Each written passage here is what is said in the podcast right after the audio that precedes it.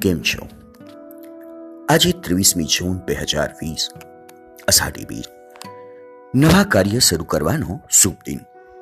આજે જગન્નાથપુરી અમદાવાદ જેવા મહાનગરોમાં રથયાત્રા નીકળે છે. આ દિવસે જગતના નાથ એવા ભગવાન શ્રી જગન્નાથ પોતાના ભાઈ બલભદ્ર અને બહેન સુભદ્રા સાથે નગર ચર્ચા કરવા માટે નીકળે છે. પરંતુ વર્તમાન પરિસ્થિતિમાં ભગવાનને પણ ઘરમાં રહેવાનું છે.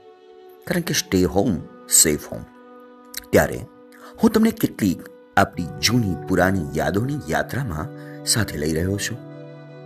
બે હજાર ઓગણીસમાં જ્યારે શાળામાં નવા નવા પ્રવેશ કર્યો, ત્યારે શિક્ષકના એક જ વિચારને વધાવીને આપ સૌએ વિવિધ પ્રસાદીની સામગ્રી લાવીને ડીએનના ઇતિહાસમાં સૌપ્રથમ રથયાત્રાની ઉજવણી કરી. ફણગાવેલા મગ જાંબુ, કેરી, દાડમ વગેરે. આ પ્રસાદનો લાભ છસો પચાસથી વધુ વિદ્યાર્થીઓ અને સોથી વધુ શાળાના સ્ટાફ મિત્રોને મળ્યો.